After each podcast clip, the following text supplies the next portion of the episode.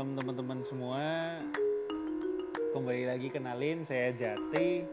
Eh, sebenarnya ini adalah podcast kedua saya setelah tahun 2019 yang sebenarnya podcast cuman iseng-isengan aja waktu itu saya ngerekam.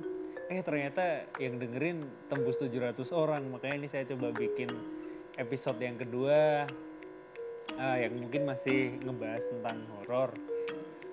Eh, sekarang udah hampir jam 1 sih, jam 1 dini hari tapi sebelum tidur coba gue cerita sedikit pengalaman saya. Hmm, kalau yang kemarin ceritanya tentang pengalaman horor di Jogja nih mungkin sekarang agak berbeda. Saya coba cerita pengalaman horor saya yang saya alami di Jakarta. Nah, kita mulai nih. Jadinya cerita ini berawal di tahun 2018 tuh waktu itu saya ke Jakarta karena ada tugas.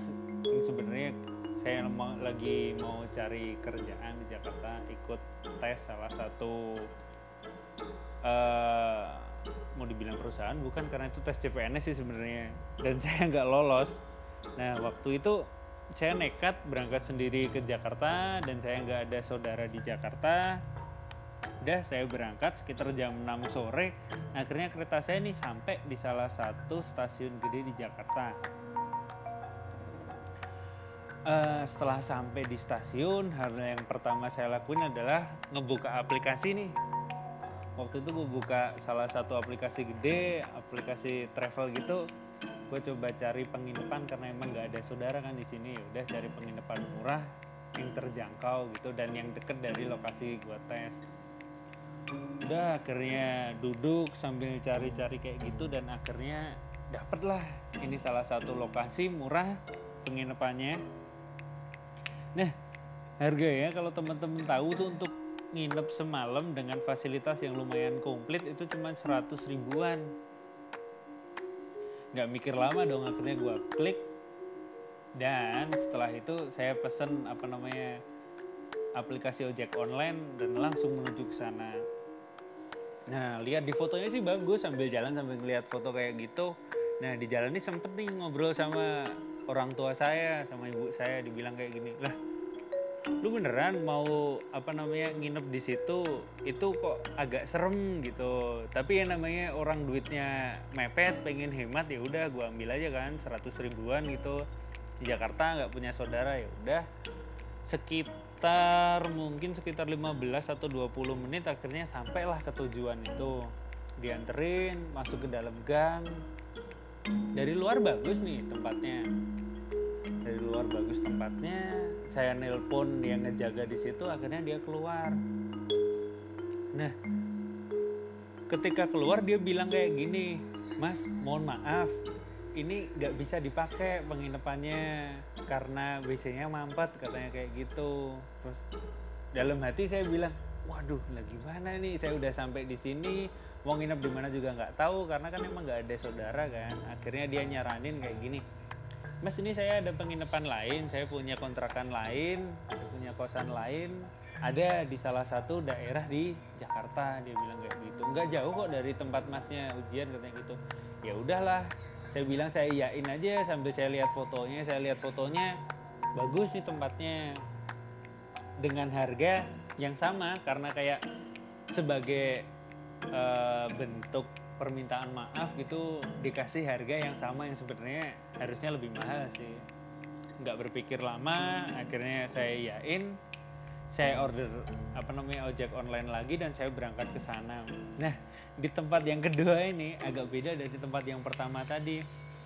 Agak susah nemuinnya karena memang masuk-masuk gang dan beberapa kali saya turun dari ojek online ini saya tanya ke warga akhirnya ditunjukin itu mas nanti dari sini masuk ke ujung nanti ada kayak apa pagar gitu nanti belok kanan sedikit terus turun jalannya ntar ada di sebelah kiri jalan nah yang lo harus tahu nih ketika udah sampai di sana itu tuh gimana ya?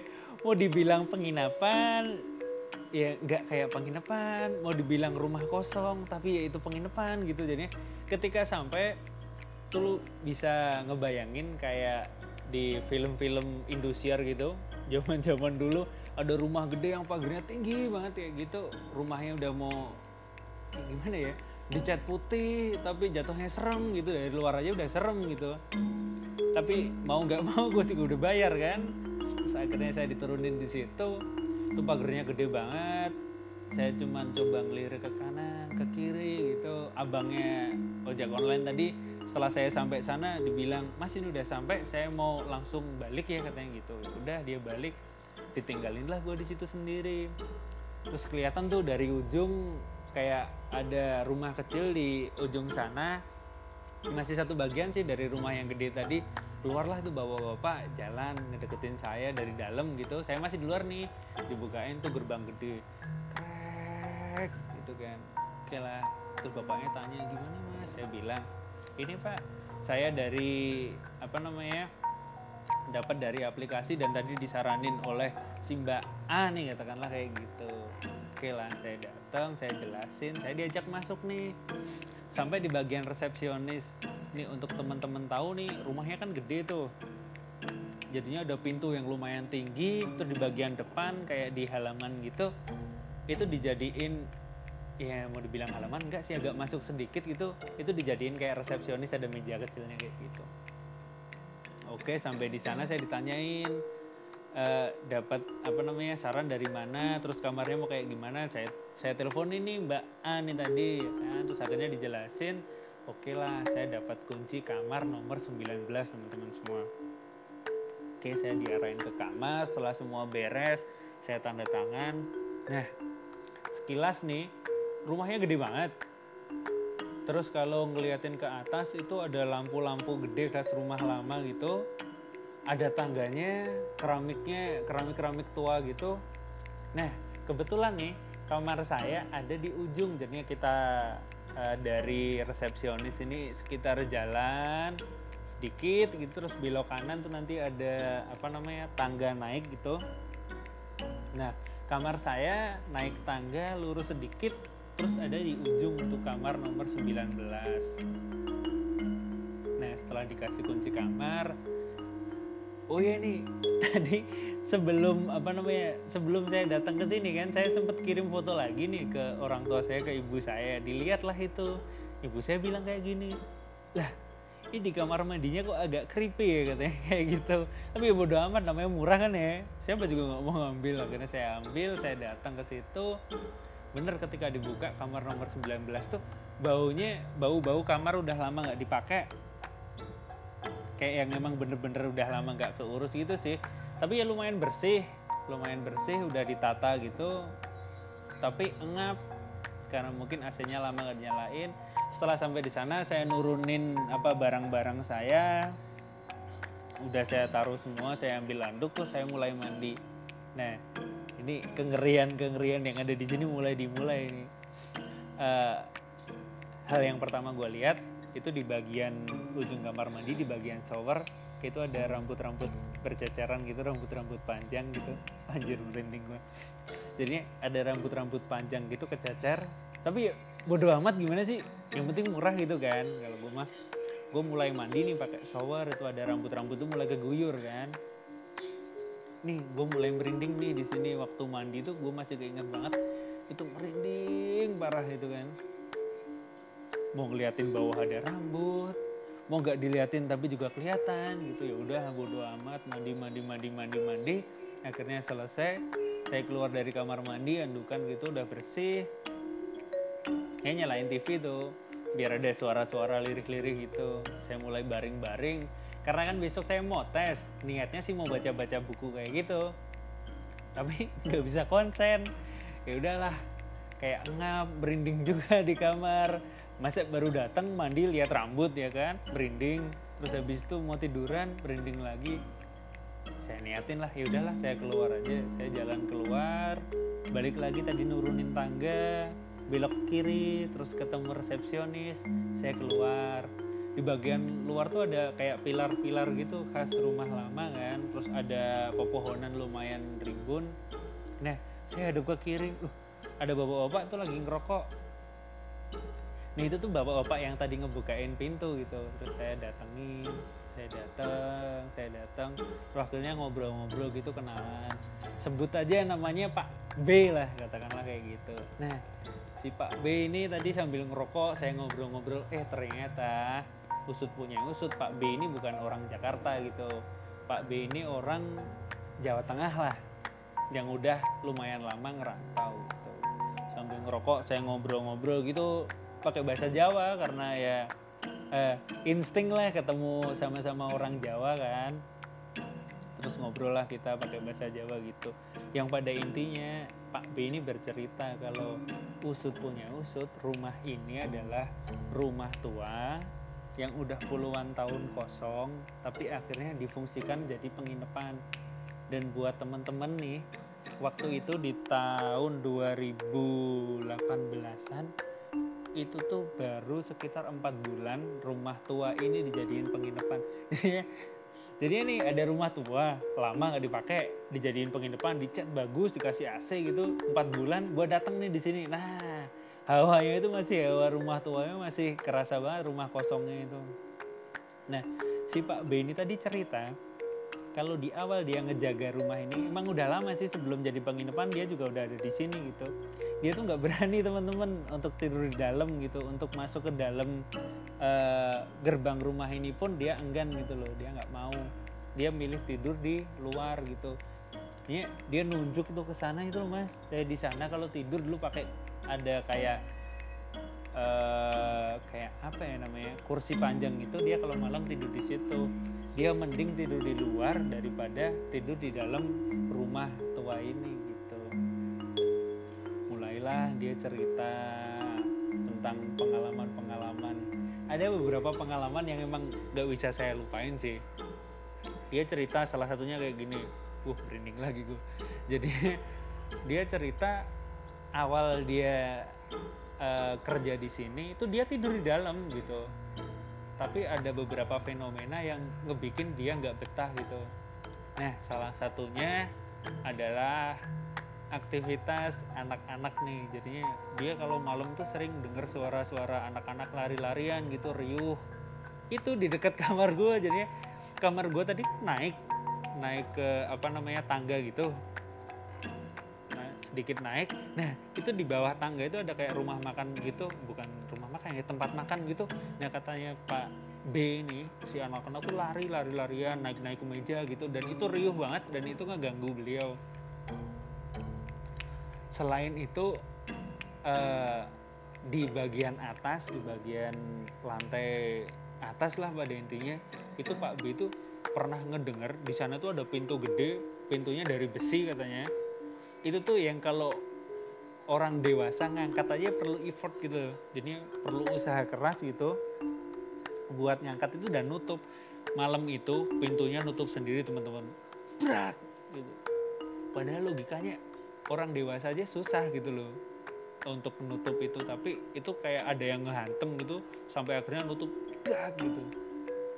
Beliau ketakutan dan akhirnya beliau nggak mau tidur di dalam.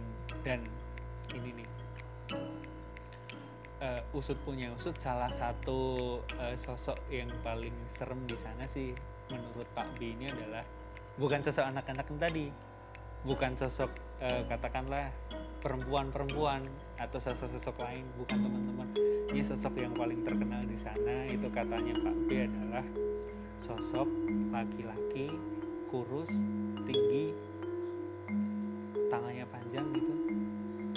kepalanya gepeng. Wah kacau merinding banget deh jadi kalau sosok itu muncul katanya hawa tempat uh, rumah tua ini jadi makin angker lah katanya kayak gitu. Dan emang Pak B ini ketakutan betul kalau lihat sosok itu. Uh, untuk teman-teman tahu nih jadinya rumah ini udah berusaha dijual berkali-kali tapi nggak mau ada yang beli gitu. Katanya memang zaman dulu sih tempat orang kaya gitu tapi akhirnya mau dijual nggak bisa-bisa gitu. Ya itu salah satu sosok yang paling ngeri ini adalah sosok bapak-bapak tinggi kurus tangannya panjang kepalanya gepeng. Mungkin biar teman-teman gampang nih uh, kebayanginnya nih kayak Slenderman gitu sih. Bisa datang ke sana ya bisa langsung datang ke sana ya kan. Menyaksikan langsung kalau nggak percaya dan bisa langsung ketemu Pak B inilah.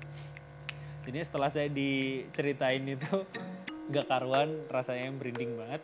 Kacau karena emang tempatnya itu gelap di sana dan banyak pepohonan. Karena kan kami ngobrol tuh di depan dia ngerokok saya cuma duduk mainan HP gitu sambil ngedengerin. Nah setelah dia cerita pengalaman-pengalaman horor nih dia bilang ke gue kayak gini. Mas kalau mau mandi-mandi tuh di belakang ada kolam renang gitu terus saya mau keluar dulu mau cari rokok rokok saya habis nih gitu. Dia berdiri terus dia pergi ninggalin gue ya gimana sih dibilangin kayak gitu? Ya walaupun itu kalau nggak salah inget udah hampir jam 10 jam 11 malam sih. Tapi namanya orang penasaran ya. Ya agak-agak nekat gitu sih. Terus akhirnya gue bangun. Bangun dari duduk gitu. Terus gue jalan masuk itu Pak B itu udah ngelewatin gerbang udah mulai jalan agak jauh itu mau cari rokok mau beli rokok di luar. Saya apa namanya bangun dari duduk saya jalan ngelewatin resepsionis lagi nih teman-teman. Masuk pilar gede gitu saya masuk ngelewatin resepsionis. Agak belok sedikit itu kelihatan kamar saya di sebelah ujung sana jauh di ujung sana kamar nomor 19 ngelewatin tempat yang katanya banyak anak-anak lari-larian di situ masih lurus terus lurus terus terus akhirnya kayak di belakang rumah gitu. Yang tadi temboknya tinggi tinggi tinggi tinggi terus langsung plong gitu karena emang atas sudah nggak ada lagi terus kayak ada eh, satu kamar di paling ujung belakang gitu sendiri ngadep ke yang katanya kolam renang. Ini untuk teman-teman tahu ya ini tuh bukan kolam renang yang wah yang kayak di hotel-hotel tuh enggak sama sekali enggak jadinya kayak ada keramik gitu keramik tua gitu. Itu yang kecil-kecil gitu. Udah nggak tahu sih udah berapa tahun nggak pernah direnovasi. Terus ada pohon ada tenda kecil nih buat duduk gitu buat santai. Terus ada kolam renang yang airnya warnanya hijau nggak tahu tuh diganti kapan. Kayak gimana sih kalau nonton sinetron zaman dulu tuh? Sinetron serem-serem yang ada mayat ngapung. Nah kayak gitu. Bener-bener kayak gitu nih gue kayak terpaku gitu kan gue berdiri di situ ngeliatin kolam renang. Gelap gak ada lampunya sama sekali teman-teman. Ngadep kanan ngadep kiri. Lah ini kan namanya disuruh uji nyali nih kalau mau malam-malam duduk di sini kan nah yang harus teman-teman tahu nih punggung gue waktu itu rasanya dingin banget. Habis itu kayak ada yang nyentuh kan tapi ngelewatin gitu. Anjir kacau merinding. Habis itu waktu gue langsung balik badan langsung jalan cepet balik lagi ke kamar. Udah lah bodo amat itu mau ada apa juga. Tapi sempet sih saya video saya foto waktu itu. Saya langsung balik ke kamar jalan cepet jalan cepet. Udah lah bodo amat. Rasanya gimana sih? Udah gak karuan gitu karena kayak tahu ada yang ngawasin dari kolam renang terus dari balik badan gue itu kayak ada yang mau nyentuh gitu. Dingin banget rasanya terus tembus gitu langsung lari. Jalan cepet jalan cepet jalan cepet langsung naik ke yang tangga tadi ke arah kamar nomor 19 ke kamar saya langsung masuk kamar saya buka kuncinya saya kunci terus cuci kaki balik lagi nih ke kamar mandi yang ada rambutnya tadi. Cuci kaki cuci kaki saya matiin lampu karena emang kebiasaan matiin lampu. Ini kayak kebiasaan goblok kali ya kalau di tempat-tempat baru yang serem kayak gini tapi kalau nggak kayak gitu mungkin nggak bisa tidur saya uh, ini TV saya nyalain tapi suaranya dikecilin ya biar ada suara-suara kayak gitu bikin agak tenang kan. Udah saya tidur berusaha tidur nih. Saya baru ingat teman-teman kalau hari itu adalah hari kalau nggak salah hari Selasa Kliwon. Wah kacau banget ya. Gimana sih? Ketika datang ke penginapan yang ternyata horor angker kayak gitu di hari yang nggak tepat juga sih. Saya berusaha tidur selimut saya tutupin ke badan saya saya tidur berusaha tidur. Mungkin itu udah lewat jam 12 karena kan tadi saya ngobrol lumayan lama di depan tadi dari jam 11 sampai malam banget sih. Nah saya berusaha tidur bukannya tidur teman-teman. Tapi di sini kayak saya setengah bangun gitu tuh kayak yang diceritain Pak B tadi mulai muncul nih di ingetan-ingetan saya nih. Mulai sosoknya kayak gimana suara riuh anak kecil yang lari-larian suara mbak-mbak yang ada di kamar mandi dan yang paling parahnya adalah sosok laki-laki tinggi tangannya panjang kepalanya gepeng. Ini kayak semua ada di situ dan kayak ketindian gitu jadinya mau teriak nggak bisa mau ngapain nggak bisa itu ada dan berdiri di ujung kamar saya. Uh kacau banget. Mau teriak nggak bisa mau gimana itu. Pokoknya yang saya pingin waktu itu saya mau tidur lagi gitu. Ya kacau lah itu pokoknya. Kayak itu salah satu malam terpanjang. Kacau kacau kacau kacau. Dan saya nggak mau sih kalau kalaupun dikasih gratis saya juga nggak bakal mau balik lagi ke sana sih. Kacau banget lu jadinya lu mau berusaha mau tidur nggak bisa tidur di depan lu ada sosok-sosok kayak gitu dan dipaksa kayak ngedengerin suara riuh anak-anak. Lari padahal besok pagi gue mau ujian. Kayak itu gabungan yang paling nggak pas sih menurut gue tapi ya gimana setelah berusaha doa berat sih mulut mau gerak aja nggak bisa kan dipaksa melek ya kan dipaksa lihat kayak gitu. Tapi akhirnya gue bisa tidur lagi setengah tidur sih.